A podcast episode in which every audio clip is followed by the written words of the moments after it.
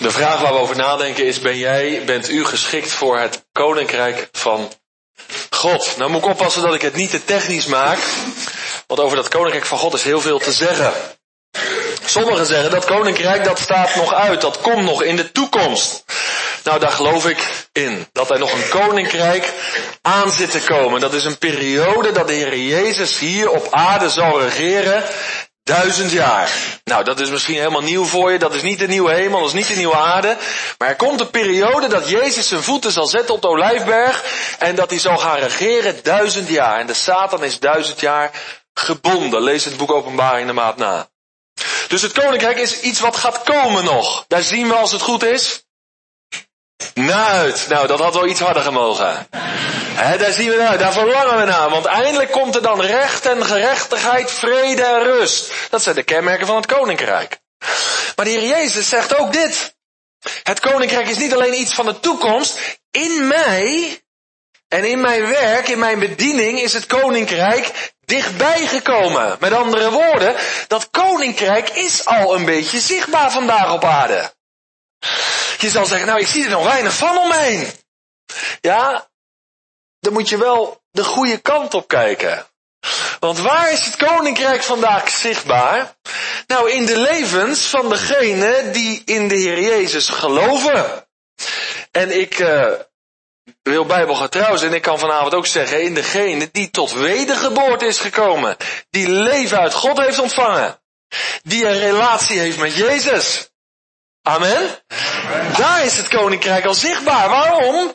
Nou, ik heb de Heer Jezus niet alleen aangenomen als mijn redder, als mijn zaligmaker. Dat willen de meeste mensen wel. En dan straks heerlijk in de hemel de eeuwigheid doorbrengen. Maar ik heb de Heer Jezus ook aangenomen als de Curios, als de Heer van mijn leven. Nou, dit had ook een goed moment geweest om even hartelijk amen te zeggen. Want als Hij Heer is van mijn leven, dat betekent dat de Heer Jezus op alle terreinen van mijn leven het voor het zeggen heeft. Niet alleen op maandagmiddag, maar ook op vrijdagavond en op zaterdagavond. Nee, je begrijpt het wel. Koning in mijn hart. Koning op de troon van mijn hart. Daar gaat het om. Dus dat koninkrijk van God is niet alleen iets van de toekomst, maar als het goed is, wordt dat koninkrijk al zichtbaar in en door mijn leven.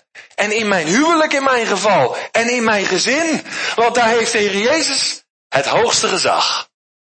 Ja, dat kost een offer, hè? En dat vraagt keuzes. Maar zo nou komt het wel. Nou, de Heer Jezus die wandelt hier rond. Uh, met zijn discipelen en hele schare mensen. En hij zegt, als je de hand aan de ploeg slaat, en achterom kijkt, ziet naar wat achter je ligt, dan ben je niet geschikt voor mijn koninkrijk.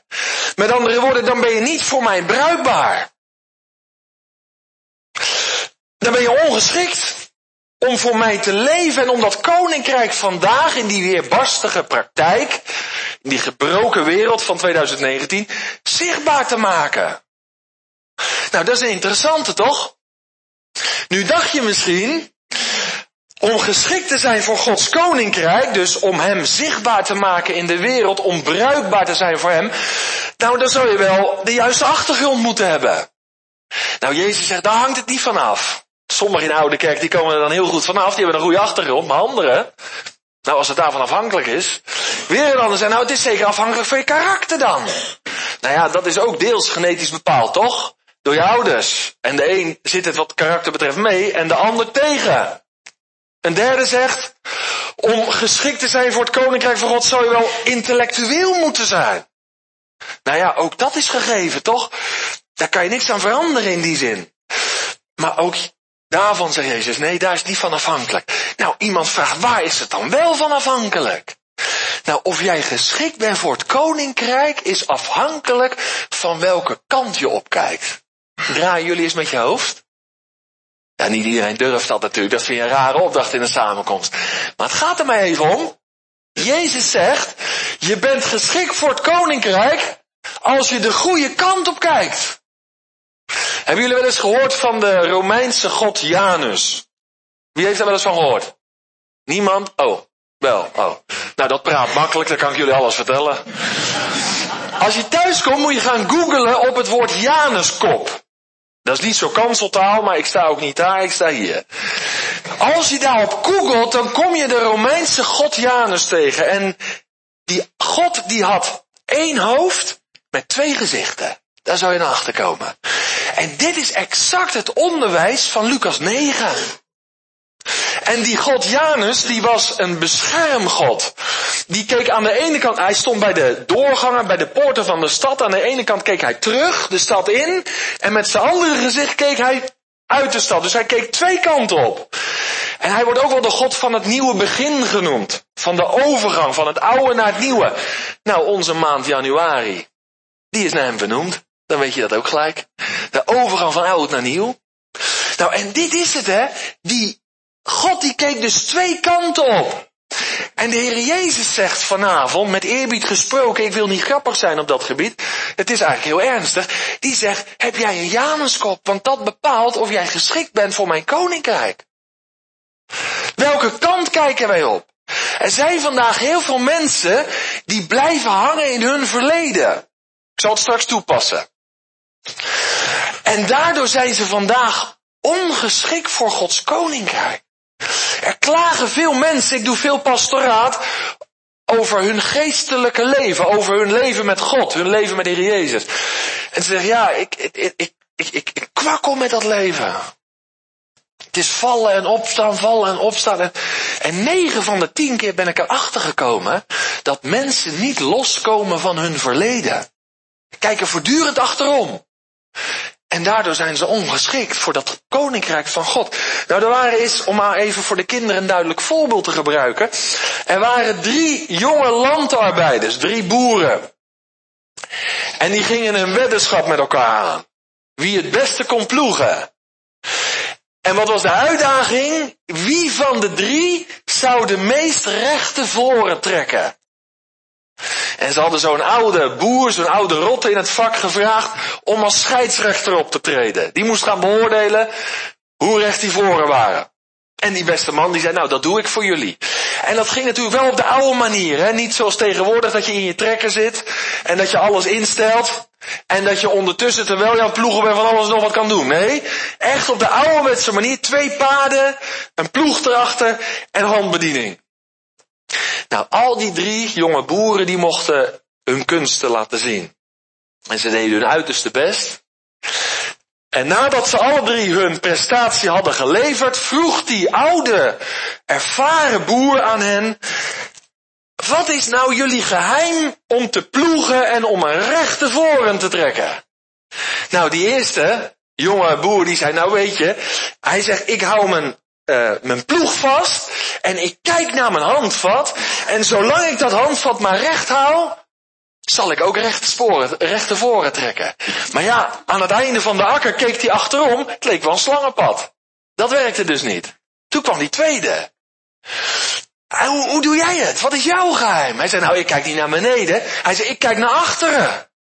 Hij zei, ik hou mijn voren in de gaten. En zolang die voren maar aardig recht is, nou, dan red ik het ook wel om een rechte voren te trekken. Maar wat bleek nou? In het begin leek het nog wat. Maar aan het einde van de akker keek ook die tweede jonge boer terug. Ook een slangenpad. Leek nergens op. En toen kwam die derde. En die sleepte de prijs in de wacht.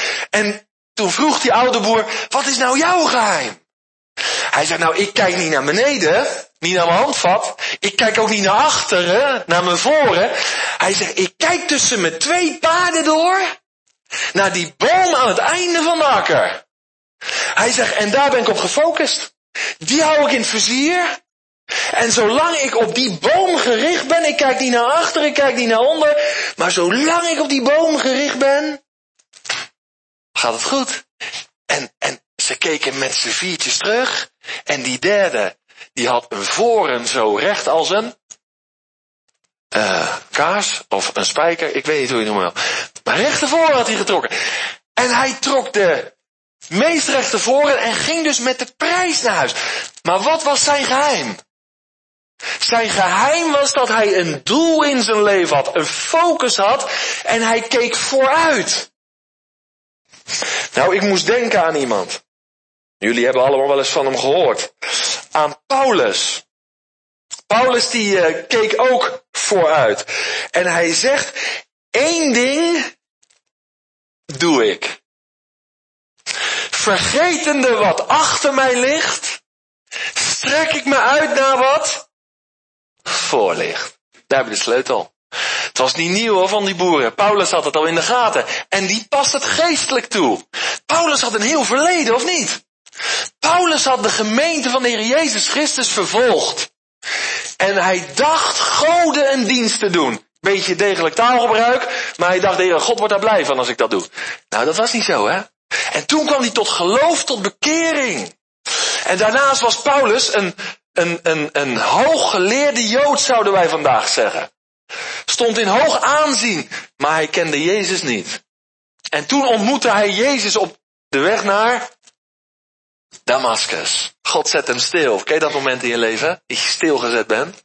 Dat je een nieuw leven hebt ontvangen. En het eerste wat hij toen vroeg, Heere, wat wil u dat ik zal doen? Dat is het allerbelangrijkste kenmerk. Dat je leven uit God hebt ontvangen. Welk kenmerk is dat? Dat de wil van God bovenaan staat. Die staat boven jouw wil. Dat is soms een strijd, hè? Maar het is het meest belangrijke kenmerk. Dat Gods wil het voor het zeggen heeft in je leven. En toen kwam er ook een moment voor Paulus dat hij ging vergeten wat achter lag. En hij strekte zich uit naar hetgeen wat voor lag. Nou, de Heer Jezus die ontmoet die man in Lucas 9, vers 62.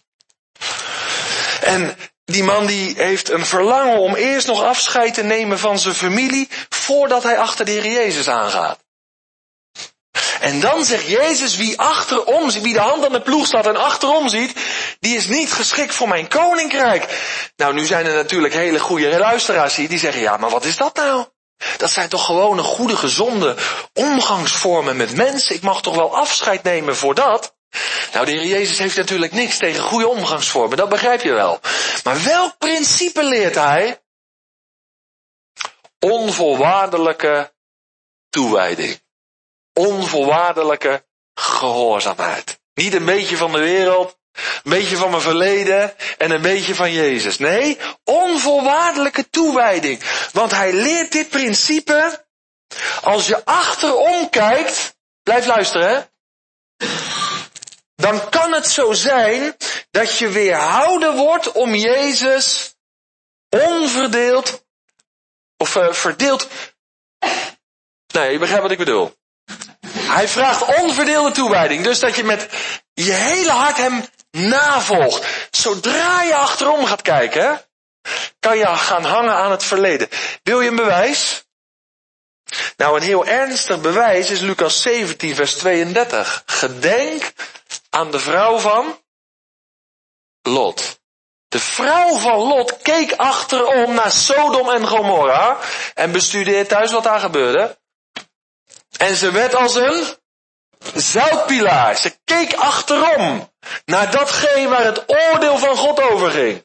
En ze werd als een zoutpilaar. En die vrouw is beschreven in de Bijbel als waarschuwing voor jou en voor mij over wie de einden van de eeuwen gekomen zijn. Dat is een belangrijke, of niet? Fijn hè, dat de Heer Jezus zo eerlijk is met ons. Dat hij ergens voor wil bewaren. Nou, zo zegt hij hier, als jij vandaag de Heer aan mij wil volgen, dan moet je niet achterom kijken, maar vooruit kijken. Nou ga ik drie dingen noemen, kort. En dan moet ik alweer een beetje gaan afronden. Maar ik ga drie redenen noemen waarom er vandaag veel christenen zijn. Ik ga er even vanuit, zoals je hier bent, dat je de Heer Jezus persoonlijk kent. Hè? En zo niet, dan is het nu nog een tijd. Ik weet niet wat het morgen is. Dus belangrijk om vanavond nog buigen, want er moet een keuze in je leven vallen. Maar ik ga ervan uit, zoals je hier bent, dat je de Heer Jezus volgt. En wat zie ik in veel christenlevens? Dat ze om drie redenen achterom kijken. Luister goed. Misschien spreekt er één je aan. De eerste is dat heel veel mensen het verleden verheerlijken. En die zeggen dan die goede oude tijd. En dit gebeurt heel veel. Stel voor dat je jong bent en je komt bij je oma. Of je komt bij je ouders en je hoort altijd een soort klaagzang. Dat ze mopperen. Ja, vroeger, ja, toen hadden we nog predikers. Toen had je nog echt een goede preken. En vroeger, en Nou ja, daar word je niet echt gemotiveerd van, toch, als je jong bent. Als je dan zondagochtend op de koffie komt en je hoort alleen maar een klaagzang. Dat is niet motiverend. En sommigen verheerlijken het verleden. Nou, ik heb er zelf ook mee geworsteld. Ik heb wel eens naar God uitgeroepen, waarom leef ik vandaag? Had ik niet in 1900 geboren kunnen worden? Dan was het allemaal veel makkelijker om Jezus te volgen. En toen zei een predikant dit tegen mij. Hij zei, Jacques, nou Genesis 3 is nooit meer wat geweest, jongen. Maar als jij vandaag de geest van God in je hart hebt, en het woord van God in je handen hebt, dan is het mogelijk, om waar dan ook, in welke tijd, Jezus trouw en toegewijd te volgen. Dus wij moeten het verleden niet verheerlijken. Weet je wie het ook deed? Israël. Waren ze bevrijd uit Egypte? Ja. En waar verlangden ze naar terug? Dat was de tijd van slavernij, hè? Van onderdrukking. Hun kinderen waren vermoord. En ze zijn bevrijd. En ze zeggen, ach, die komkommers in Egypte. En die watermeloenen. Wat was dat toch een goede tijd. Maar het is een onevige, evenwichtige kijk op het verleden. Onrealistisch. Dus het is belangrijk om met het juiste gezicht naar deze tijd te kijken. Vanuit het juiste perspectief. Heb daarom een evenwichtige kijk op het verleden. Wij leven in het heden. En als het goed is, met de Heer Jezus in je hart, geleid door zijn geest en het woord van God als kompas vandaag. Tweede reden. Hoeveel had ik er? Drie. De tweede reden is dat sommige mensen, dat is een beetje een lastige, maar probeer me nog even te volgen. Hè? Sommige mensen die uh, zien offers, keuzes die ze in het verleden gemaakt hebben, als gemiste kansen. Die moet ik uitleggen, denk ik, of niet? Nou, je kan, als je jong bent, ik weet nog wel, de Heer kwam in mijn leven toen ik 20 jaar was. Dat is nu 19 jaar geleden. Hoe oud ben ik dan? 39. Het is belangrijk om dan keuzes te maken. God kwam in mijn leven en ik was verslaafd aan sport. Ik zal niet uitweiden. En de Heer vroeg, wie staat er bij jou op nummer 1? En dat was hij niet. Toen moest er een plaatsverandering eh, plaatsvinden. Je begrijpt wat ik bedoel. Het gaat erom dat je soms keuzes maakt, omdat je bruikbaar wil zijn voor het koninkrijk, die een bepaald offer met zich meebrengen. Of je zal toch als meisje verkering hebben met een jongen. Maar die jongen die houdt niet van de Heer Jezus, die is niet van plan om de weg met hem te gaan. Dat je toch op een goede dag zegt, ja jongen, je bent een aardige vent en je ziet er leuk uit. Maar Jezus is voor mij de eerste en ik wil achter hem aan. Ik ga nu toch de knoop doorhakken, het wordt niks met ons. Dan maak je keuzes, hè? Omdat je dienstbaar wil zijn aan het koninkrijk van God. En misschien heb je wel een bepaalde baan laten schieten, omdat je merkte dat strijd met mijn verlangen om de Heer te volgen. Zou zomaar kunnen. En dan op een regenachtige zaterdagmiddag, tien jaar later, denk je, wat een gemiste kans, die jongen. Dat is toch wel de jongen van mijn dromen. Of die baan, waarom heb ik hem laten schieten? Of waarom heb ik... Nou, dan ga je altijd denken in gemiste kansen. En weet je wat er gebeurt? Je raakt gefrustreerd innerlijk, teleurgesteld en je wordt onbruikbaar voor het koninkrijk van. Zou ik je één iets vertellen? Ik ben twaalf jaar makelaar taxateur geweest. En ik had geld kunnen verdienen als de beste. En vijf en een half, zes jaar geleden riep de Heer tot een fulltime bediening. Ik had een goed inkomen en vanaf dat moment had ik geen inkomen meer. Wij leven van giften. En het is niet allemaal roze kleur en maneschijn in het koninkrijk van God. Geloof me. En als je dan op een moeilijk moment zit, dan denk je, wat is er gebeurd zes jaar geleden? Dan kan het je wel eens aanvliegen of niet. Had ik maar. Was ik maar. En dan is het belangrijk dat je dit principe vasthoudt. We zien niet achterom. Want ik ken nog iemand die ook achterom keek. Wie was dat? Paulus.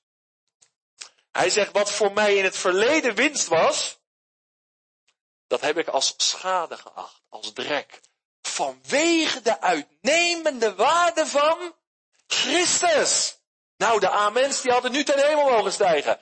Paulus die ging niet allemaal moeilijk zitten. Ja, mijn verleden had ik maar, was ik maar. Daar kom je toch niet uit. Hij zegt, ik ben nu veel rijker dan in het verleden. En de beste toekomst die ligt nog voor me. Tot er alleen maar beter op. En daarom wil ik je helpen. Deze boodschap is misschien wel een beetje scherp. Maar dat is toch heerlijk, of niet? Dan krijg je iets helder in je leven. Ik zeg, waar leef je voor? Waar ga je voor? Jezus zegt, als je maar in dat verleden blijft hangen, je bent niet bruikbaar voor mij vandaag. En de laatste. De tijd zit er alweer op. Jammer hè, het gaat niet zo lekker. De laatste, de derde is deze. En dat is een pijnlijke, gevoelige, een pastorale. Heel veel christenen vandaag, die komen heel moeilijk los van hun verleden vanwege negatieve ervaringen. En, en misschien golden die eerste twee niet voor jou, maar deze wel. Er zijn vandaag ook onder hen, de Heer Jezus beleiden als hun Heer, mensen, mannen en vrouwen, die zeggen, Jacques, als ik denk aan mijn opvoeding, jongen, dat was mijn opvoeding. En daar ondervind ik nu nog steeds hinder van in mijn denken. Ik kom er niet vrij van. Ik word vandaag beheerst door die autoritaire vader die ik had. Of door een moeder die, et cetera, et cetera, de opvoeding. Wat kan dat een ding zijn, hè? Maar onthoud wel dit. Ik laat mensen altijd heel lang uitpraten. Maar dan zeg ik, eh, beste vriend, jij bent degene die het vandaag kan doorbreken, toch? Moet niet blijven hangen in dat verleden. We gaan dat afsluiten. Wie in Christus is, is een nieuwe schepping. Al het oude is voorbij gegaan. Zie, alles is nieuw geworden.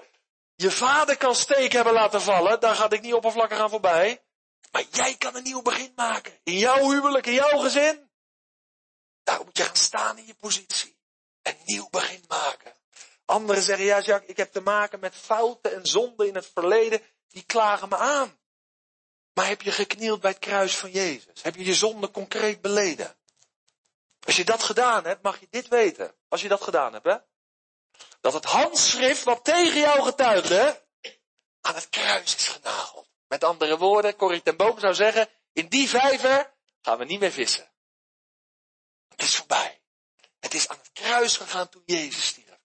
Ken je dat in je leven? Dus niet meer geplaagd worden door je zonde uit het verleden. Weer een ander zegt, ja, ik heb te maken gehad in mijn leven al van jongs af aan met afwijzing. Zo zou maar kunnen, toch? En dat beheerst mijn leven. Ik heb te maken gehad met incest. In een kerkelijk gezin. En het beheerst mijn leven vandaag. En ik ervaar dat het me te neerdruk en negatief maakt. Nou, ik kan het lijstje nog afmaken en uitbreiden. Weer anderen hebben te maken met, met, met onrecht dat is aangedaan door mensen. Misschien in je studie. In je, misschien wel collega's op dit moment. Onrecht. En dat heb je opgebouwd en je kijkt naar je verleden en het drukt je neer. Nou, ik sluit af met een tekst uit Lucas 4. Want nu denken heel veel mensen dat de Heer Jezus alleen gekomen is om zonde te vergeven. En om eeuwig leven te schenken. Heel globaal is dat voor de meesten het evangelie. Maar het evangelie is veel rijker. Mag ik het je voorlezen? Een paar versen. Jezaja zei het al in Jezaja 61. Er gaat iemand komen in de volheid van de tijd. Die gaat toch iets bewerken. Waardoor je echt als een vrij mens geschikt kan zijn. Beschikbaar kan zijn voor het koninkrijk van God. Wat staat er in Lucas 4? Daar zegt Jezus. Dat is wat geweest voor die scharen. Ik ben de vervulling van Jezaja 61. Hij zegt, de geest van de Heer die is op mij. Het is dat geweest.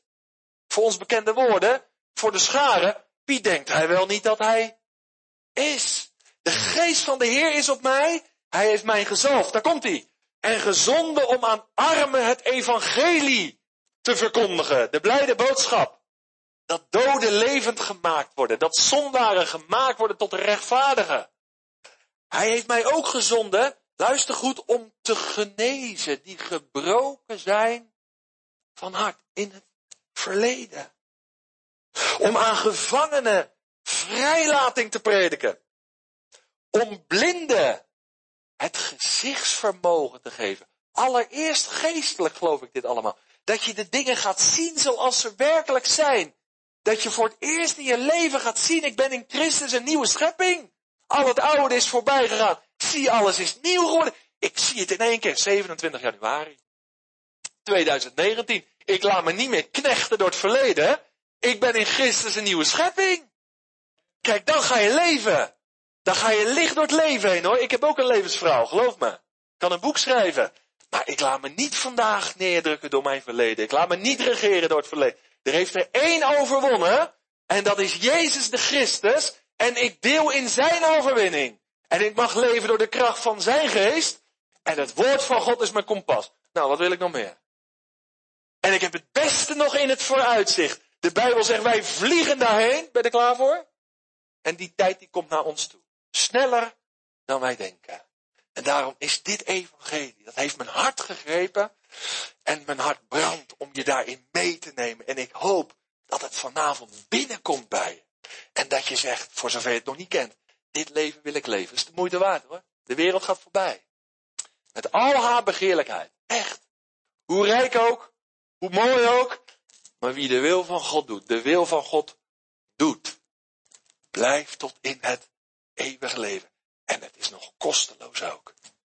Het is gratis. Het is genade. Het kost alleen wel je leven. Je moet keuzes maken waarin je soms jezelf verloochent. Ik zei dat ik ga afsluiten. Dat moet ik dan ook doen. Ben jij geschikt voor het koninkrijk van God? Ben jij iemand die losgekomen is van het verleden? Die alles gebracht heeft onder het beheer van de geest van God? Kijk, je kent allemaal dat verhaal van die jongen met die vijf broden en die twee visjes, hè? Toen die vijf broden en die twee visjes nog in de handen van de Heer waren, kon de Heer er niks mee doen. Toch? Zie dat mannetje lopen? discipelen moesten te eten, hadden ze niks. Komt dat mannetje zo naar voren toe, ik had daarbij willen zijn. En hij zei tegen de Heer, wat ik heb, dat geef ik u. Nou, misschien hebben sommige mensen gelachen en zeiden, ach, wat een tobbertje, wat, wat, hoe denkt hij dat nou te gaan doen? Maar weet je, datgene wat in de handen van de Heer legt, dat kan vermenigvuldigd worden. En daarom is het zo belangrijk dat jij jouw verleden, met al jouw pijn, met al jouw verdriet, met jouw zonde en alle ellende, laten we het zo maar noemen, in de handen van de Heer gaat leggen. Want in jouw handen blijf je ermee rondzeulen in oude kerk en omgeving, of niet? Maar als ik van mijn last zijn last ga maken, dan ga ik licht door het leven. En dat is wat de Heer wil. Hij is gekomen om de werken van de duisternis te verbreken en om jouw leven te geven en overvloed. Nou, wat wil je nog meer? Ik ga stoppen. Genoeg om over na te denken, of niet? Maak van dit leven je leven. Want al het andere, dat knecht je op deze wereld. Echt. De ware vrijheid is daar waar je hart en leven openstelt voor de geest van God. Voor het werk van Jezus. En je alles onder het beheer van zijn geest brengt. Nou, dan gaan we een minuutje stil worden. Ik weet niet of je daar gewend bent, maar toch doe ik het. De Heer heeft met je gesproken, dat geloof ik. Door de liederen heen, door het woord heen, door wat ik mocht doorgeven. Ik ben maar een kanaal. Maar nou mag je iets terugzeggen. Want misschien is er vanavond nou iets in je leven openbaar gekomen. Ja, dat vertel je niet zomaar makkelijk aan een ander. Dat je zegt, Jacques, als ik heel eerlijk ben. Dat knaagt aan me, joh. Ik zou er zo graag van af willen. Nou, wat let je? Hij nodigt je. En hij zegt, breng heel je verleden bij mij, wat het dan ook is. En breng het onder het beheer van mijn geest. Mag je het nu concreet gaan benoemen? Doe onze ogen dicht, vouw je handen. En als er iets is, zeg het tegen de Jezus. De meeste is daar en hij roept jou. Hij wil jou geschikt maken voor zijn koninkrijk, bruikbaar voor hem vandaag.